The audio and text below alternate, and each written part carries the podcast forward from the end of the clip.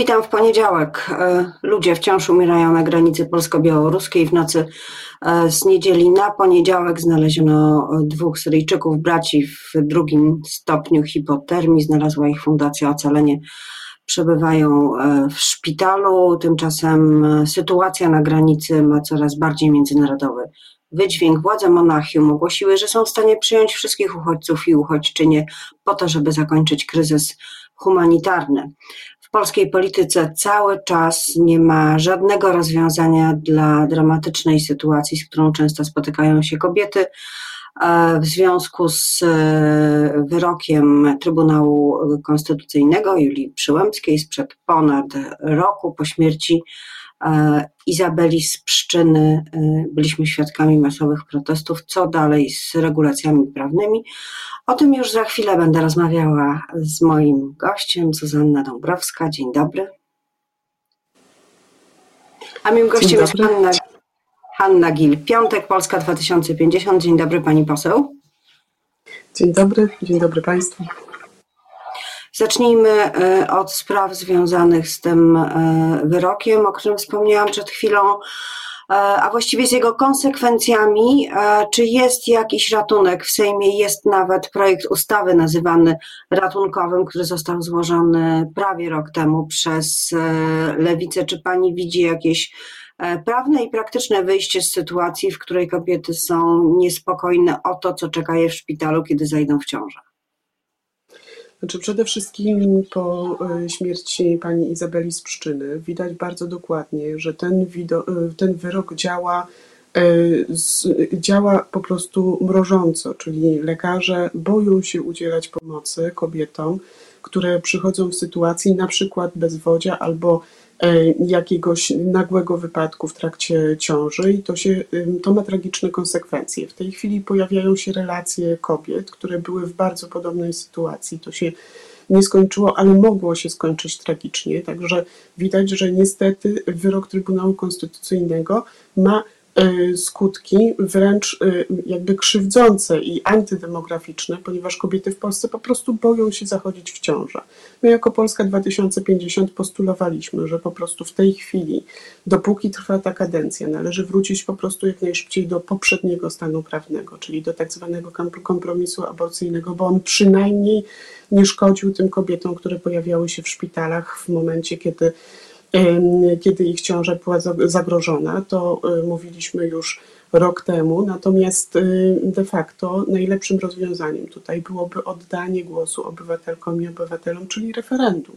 Tutaj oczywiście możemy y, się na ten temat spierać i bardzo wiele głosów pojawia się, że nie powinno się takich decyzji pozostawiać ludziom tak do podjęcia, ale ja myślę, że głos społeczeństwa jest tutaj jednak głosem najważniejszym. Poza tym jednak w Sejmie kobiet jest 30%, a w społeczeństwie 50%, więc to one powinny tutaj również współdecydować. Tę ustawę ratunkową, która leży w tej chwili w Sejmie. Jeżeli mogę, Pani poseł, jeśli mogę dopytać o referendum, y, przeciwnicy tego rozwiązania mówią, że przecież pytania e, ustalać będzie większość, czyli po prostu Prawo i Sprawiedliwość, a bardzo wiele w referendum zależy od sposobu postawienia pytania, o to, o co się pyta i że czeka nas e, kilka miesięcy co najmniej takiego festiwalu wojny o aborcję, który przyćmi wszystkie inne ważne, e, ważne tematy. Znowu aborcja stanie się takim głównym, naczelnym tematem polskiej polityki polityki, że to może niekoniecznie dobrze.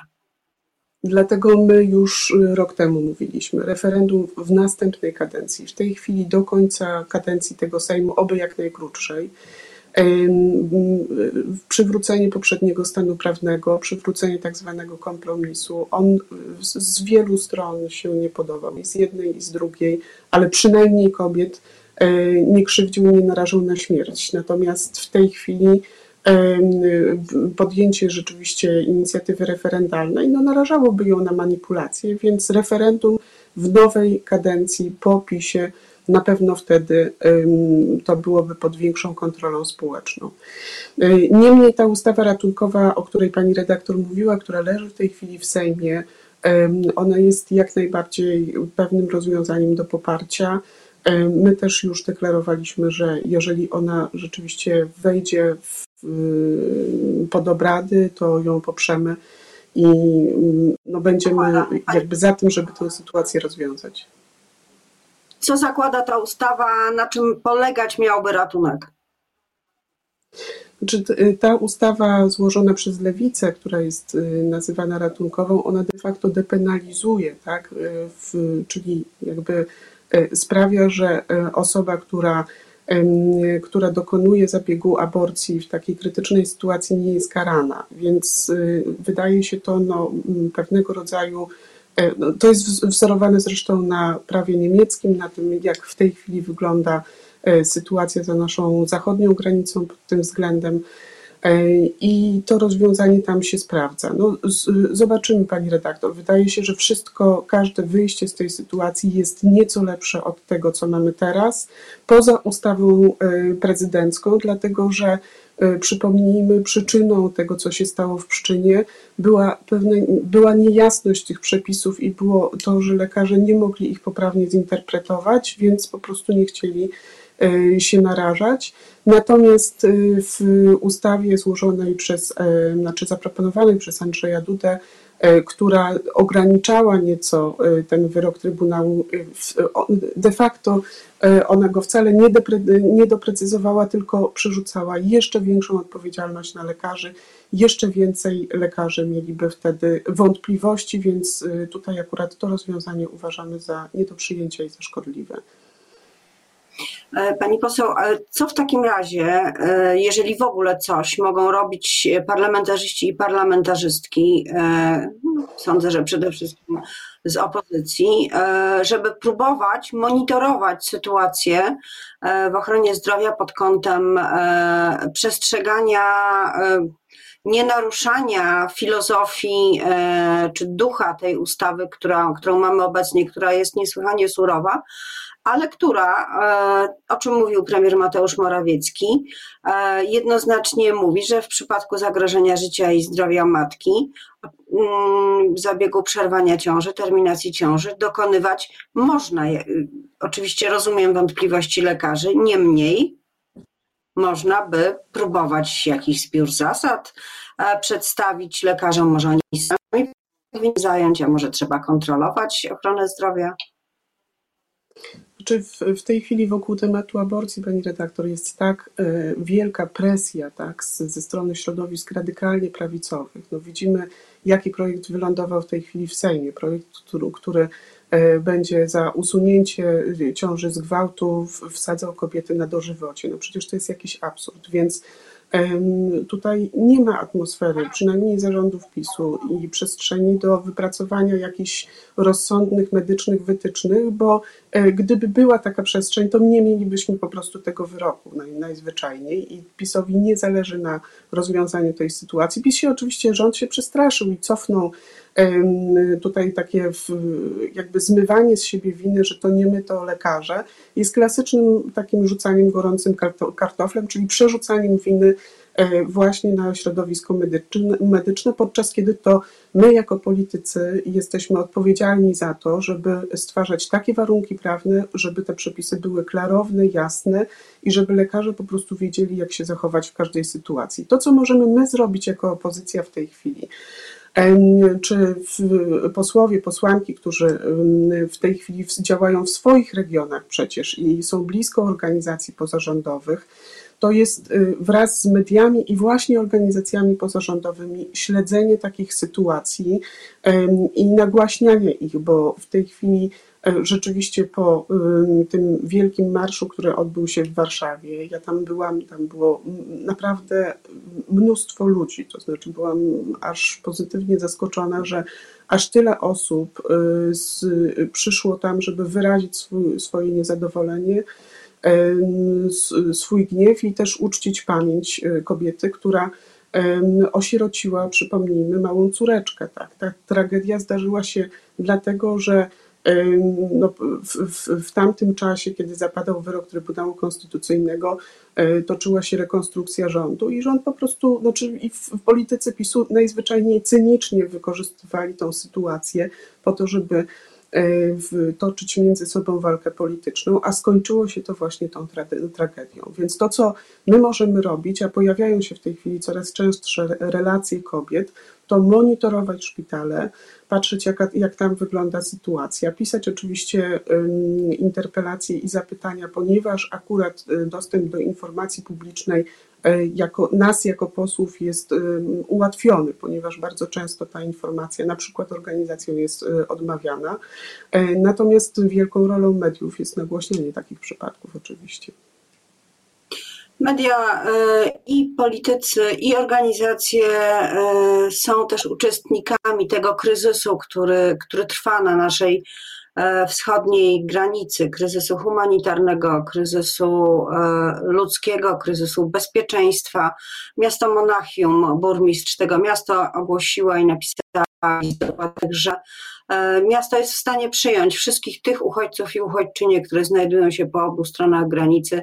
Ja to odbieram jako taki przytyczek e, wobec tych wszystkich e, polityków, o ile można ich tak nazwać, jak Aleksander Łukaszenko, którzy, którzy prowokują tę sytuację i pokazanie, że tak naprawdę to jest tylko kwestia woli, żeby przestać pozwalać na sytuacje, w których umierają ludzie. Znaczy, e, e, przede wszystkim wydaje mi się, że to jest e, najzwyczajniejszy od, odruch humanitarny. Tak? Monachium należy do takiej sieci miast, które nazywane są bezpieczną przystanią. I wydaje mi się, że ta propozycja, w której pani burmistrz Monachium proponuje, że przyjmie uchodźców, którzy znajdują się w tej chwili na naszej granicy z Białorusią, no, wynika z odruchu serca, to jest raz, ale również z tego, że jak najbardziej Monachium po prostu ma to policzone, w takim sensie, że wie, że wśród tych osób znajdują się osoby, które podejmą pracę i które będzie będzie można y, zatrudnić w zawodach, w których w tej chwili na przykład Niemcy nie mają specjalistów. Ta sama sytuacja zresztą występuje bardzo często u nas, a osoby przybywające na naszą granicę bardzo często mają wyższe wykształcenie specjalistyczne. My z tego e, nie korzystamy, bo nie patrzymy w ten sposób na uchodźców znajdujących się na polskiej granicy. Natomiast y, jest to, y, znaczy ten gest mam nadzieję, że nie tylko gest, y, y, powinien spotkać się z odzewem polskich władz. Ja tego odzewu nie widziałam i wydaje mi się, że skoro y, rzeczywiście argumentem rządu jest to, że nie ma co z tymi ludźmi, z tymi ludźmi zrobić, że strona polska uchodźców nie przyjmie albo nie, może, nie możemy jako państwo tyle przyjąć. I nagle pojawia się taka propozycja z Monachium, no to powinniśmy po prostu stworzyć korytarz humanitarny najzwyczajniej, ponieważ tam w tej propozycji pani burmistrz Monachium było również zawarte, że e, po ich stronie byłyby już procedury azylowe, więc my tutaj nie musielibyśmy nawet szczególnych formalności wykonywać, wręcz e, bez zbędnych formalności e, osoby, które w tej chwili znajdują się w kryzysie humanitarnym na naszej polskiej granicy, relokować, jeżeli e, jest chęć przyjęcia. Natomiast no, wydaje mi się, że tego typu gest jest również zawstydzający wobec polskich władz, tak? bo pokazuje, że można mieć zupełnie inne podejście i zupełnie i bardziej po prostu takie ludzkie, humanitarne patrzenie na, na ten problem e, osób, które zostały wykorzystane tak naprawdę do, e, do tych działań, które bezwzględnie prowadzi przeciwko Polsce Łukaszenka na naszej wschodniej granicy. Jak pani sądzi, dlaczego polskie państwo jest tak e, twarde, tak nieempatyczne, że coś, co wydawało się do tej pory no, dosyć już ugruntowanym standardem, czyli e, jak najmocniejsza próba oszczędzania dzieci, e, kobiet w takich konfliktach i to w czasie działań wojennych, a tu przecież ich nie ma. Tutaj na razie jest konflikt i napięcie i i zbrojenie się z obu stron, ale, ale nie ma de facto działań stricte zbrojnych, więc dlaczego, dlaczego polski rząd się decyduje na, na taką postawę? Czy y, to z przyczyn sondaży, czy to zyskał uznanie na, na arenie międzynarodowej? O co chodzi?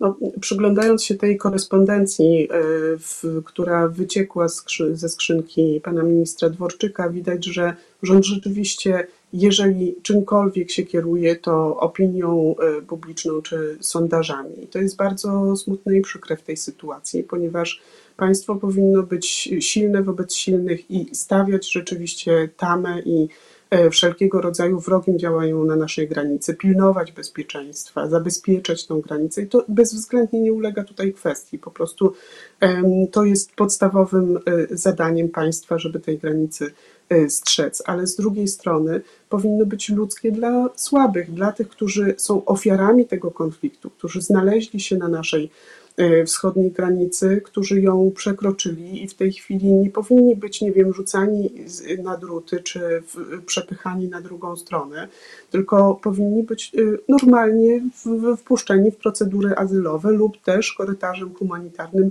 relokowani tam, e, gdzie jest chęć ich przyjęcia, na przykład za naszą zachodnią granicę. Natomiast też y, pani redaktor, no, wydaje mi się, że tutaj rząd postępuje kompletnie odwrotnie, tak, że ta, ta twarda y, reakcja wobec y, osób, które znajdują się w kryzysie humanitarnym, to jest taki, taka próba jakby pokazania, że my jesteśmy silni, no ale silni wobec kogo? Wobec dzieci, które znalazły się w lesie, wobec kobiet w ciąży, które E, tam znajdują się w, w tragicznej, kryzysowej sytuacji wobec ludzi, którzy w stanie hipotermii gdzieś leżą w las na mrozie.